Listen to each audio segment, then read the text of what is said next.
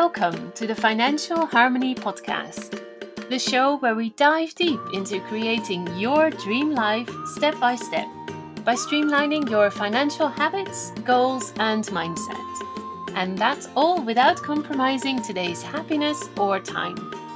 I am your host, Inge Natalie Hol, personal finance author and coach.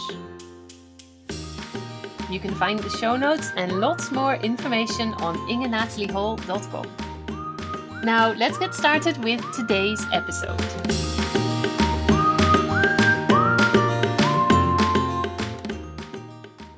Hey, you, and welcome to another episode of the Financial Harmoney Podcast. This is episode number 43, and today I want to talk about what you are afraid of.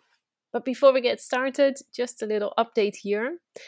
Um, as it's currently Thursday, the end, the last day of September 2021, which means that tomorrow I am starting my Instagram challenge.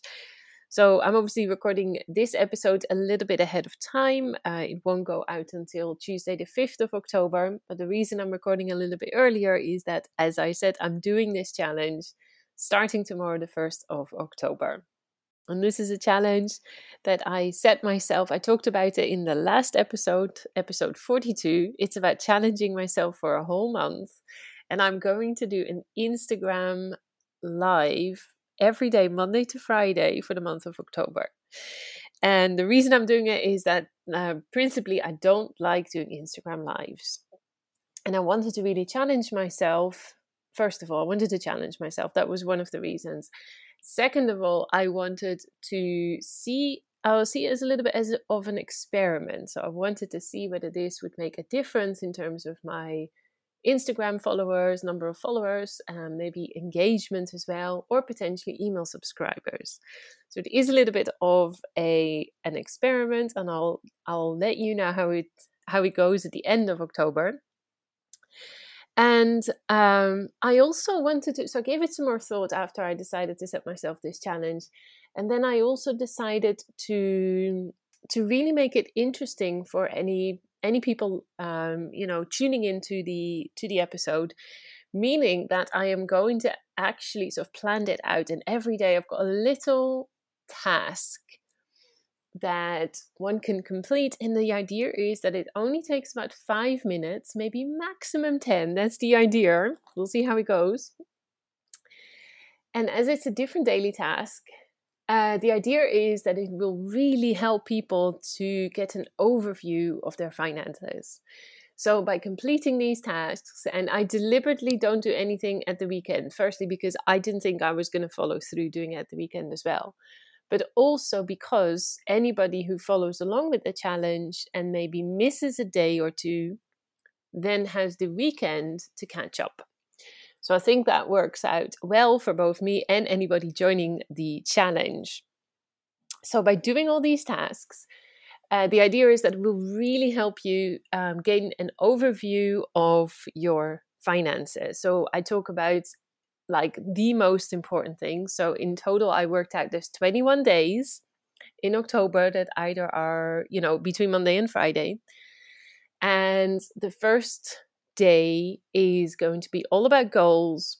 And then from there on, I literally talk about 20 more topics. So I talk about emergency funds, income, expenses, um, estate planning, uh, pensions how would you say that? Um, investing like literally anything you can possibly think about but i did decide to keep it super simple as simple as possible so that it doesn't become a whole complex uh, lesson on anything. So idea the idea is really to keep the video short and to also keep the task really, really short. So if you haven't signed up yet, or if you haven't seen any of the videos yet, then make sure to go to my Instagram account where you can sign up and get an overview and the link to where everything is happening. So that is Inge Natalie Hol. You can also go to my website or to the show notes to find out more about this challenge as well.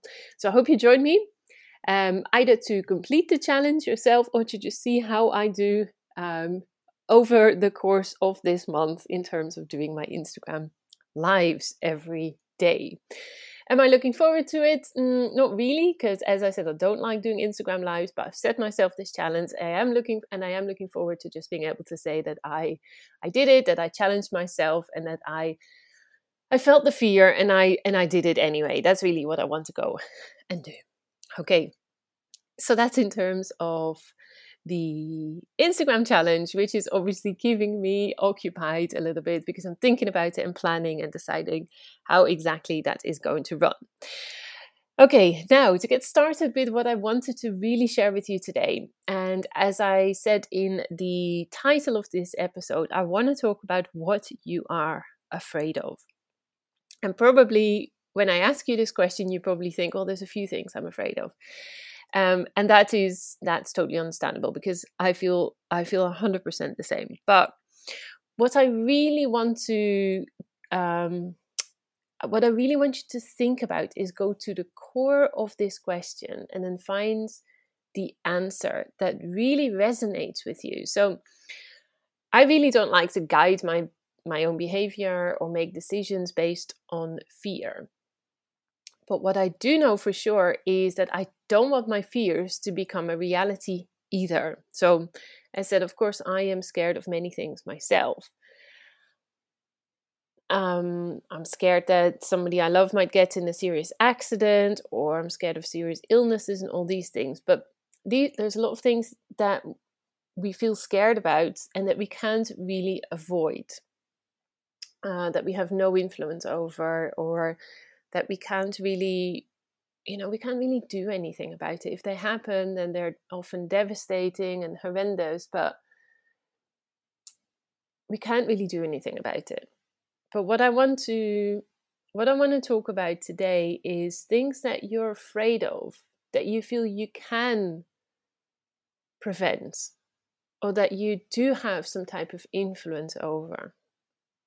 There's this book I'm sure you know it or you've heard of it, and it's called Seize the Day, and it's written by um, this lady who worked with um, with people who were who were dying, and a lot of it. Obviously, she she talked to these people a lot, and a lot of the people, the biggest regrets that they had was oftentimes things that they didn't do and reading that book, I'd say that is also my biggest fear, having regrets at you know at the end of my life. Whenever that might be, feeling that there are things that I wanted to do and that I didn't do. So that's my biggest fear. My biggest fear is literally I can feel that literally, you know, imagining that I haven't made the most out of my life or feeling that I've lived below my potential or didn't achieve the things that I really wanted to achieve, achieve. That for me is the biggest, biggest fear. And that's also that's also okay. And what I mean with it being okay is that fear guides me in a positive way. I don't know whether this makes sense, but I said before that I don't want to make decisions based on fear. I don't want fear to um, to determine things for me. But then I'm really talking about fear of, you know, I am um, not wanting to take a flight to see my family because I'm afraid that something would happen. Like those are the type of things I really don't want. I don't for me, I don't feel that's an okay way to let fear control my life or control my decisions. So most of the fears I feel, I don't want to I don't allow it to have an influence over my decisions. But this particular fear fear I totally do. I totally this is what I mean when I when I say it's okay for me to feel this fear because I feel it helps me make decisions that that I want to make. So my fear my biggest fear is that I have regrets at the end of my life and those regrets would be mainly from not doing certain things. And that's a fear that I don't want to become reality. And that's how I make a lot of my decisions. That's also how I make a lot of my financial decisions. Um, one of the things that I really, really, really want to do is I want to grow this business of helping others with their personal finance. I really envision growing that into a more into a bigger company, into something that I can that I can really help others with, not just a little bit, but really have an impact. And I know that if I don't pursue this, it's something I'm going to regret. If I just stick with what I'm already doing, then I know in a couple years' time, or you know, maybe in, in a few decades, I'll feel that I didn't take the opportunity when I had it. And I think that's a really helpful way to see things. So that's how I make certain decisions in terms of certain financial decisions. So I really want to make this company work. I also make certain decisions in terms of investing. So there's this other thing that obviously I, inve- I invest in index funds. Um, I've been investing for for a while, but when when COVID started in 2020, I didn't actually. Obviously, the market, the stock markets went down, um, not for a super long period of time, but they did go down, and I didn't actually invest extra money, and I could have. So I'm a big believer of not investing any money that you can't uh, do without. So I never invest any money. Like when, whenever I invest money, well, me and my husband invest together. It's all money that we can do without. So I know that if anything happened and we lost all of the money that we currently have in our portfolio, then that would be totally not cool. That'd be totally shit, let's say. But excuse me, but it's not money we need it's money we totally would love to have in you know down the line whenever we decide to use that money but if we lost it all then nothing is going to happen to us financially we're not going to lose our house we're not going to suddenly you know be in debt or anything because it's money that we can do without but i also like investing when the stock market is down when um, you know prices are low because then you suddenly can buy a lot more stocks for your for the same amount of money that you have. And in 2020 i could have done that and i didn't. So this is something i regret. Not it's not regret in the same way that i don't think i'm going to regret this you know in 40 years time. I don't think that's going to be the case but I know that next time this happens, I am totally going to do this. I'm totally going to invest any extra money that I have. And that's what I mean with um, helping me make financial decisions because I know, again, it's not the same scale as regret that I, you know, said before, not using the opportunity to maybe grow my other business or something. But it does help me make certain financial decisions. I didn't in 2020. I didn't invest the money that I had lying around when the market went down but I definitely will do the next time, basically. And that is because I know that I, like now, I regret not investing that money. I do regret that, and I could have. It would have been so easy because I know all about investing already. I have my investing account already. And I could have done that easily, but I didn't. So I regret that. But that's okay as well. It's not a big thing, it's not the end of the world. Um, but next time I will. So that's what I mean with um, this fear that I have, I have this fear of having regrets at the end of my life, can help me decide or make certain financial decisions. So, my question for you really is, and I hope you can get this out of this episode, I want you to think about this and decide what are you really afraid of? What are things that you that you can influence that you feel you might regret when it, you know, in a few years' time of not doing? It might be that you regret not pursuing another income stream.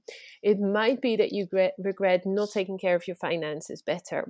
It might be, I don't know, it could be so many things, but that's really what I want you to think about. And I would love for you to let me know what it is that you're afraid of or what it is that you think you might regret. So if you can share that with me, send me a DM on Instagram or share a screenshot of this episode and tag me in it at Inge Natalie Holden. I would love to find out what it is for you that you are fearful of or that you might regret. And that is all I wanted to share with you today. So I hope you tune in again next week at the same time, same place for a new episode. See you then. Bye.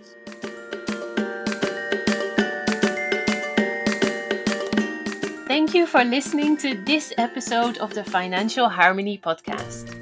If you enjoyed today's show, please make sure to subscribe or leave a review. Remember to head over to ingenataliehol.com for your show notes, free downloads, and lots more information.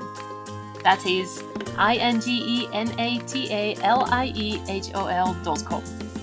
And if you really want to get started working on your dream life, then make sure to download the 10 steps to kickstarting your big dream over at resources.ingenataliehol.com forward slash dreamlife. You can also find me at Inge Natalie Hol on Instagram as well as on Facebook. New episodes are dropped each Tuesday, and I hope you'll tune in again next time. Until then, have a fabulous week.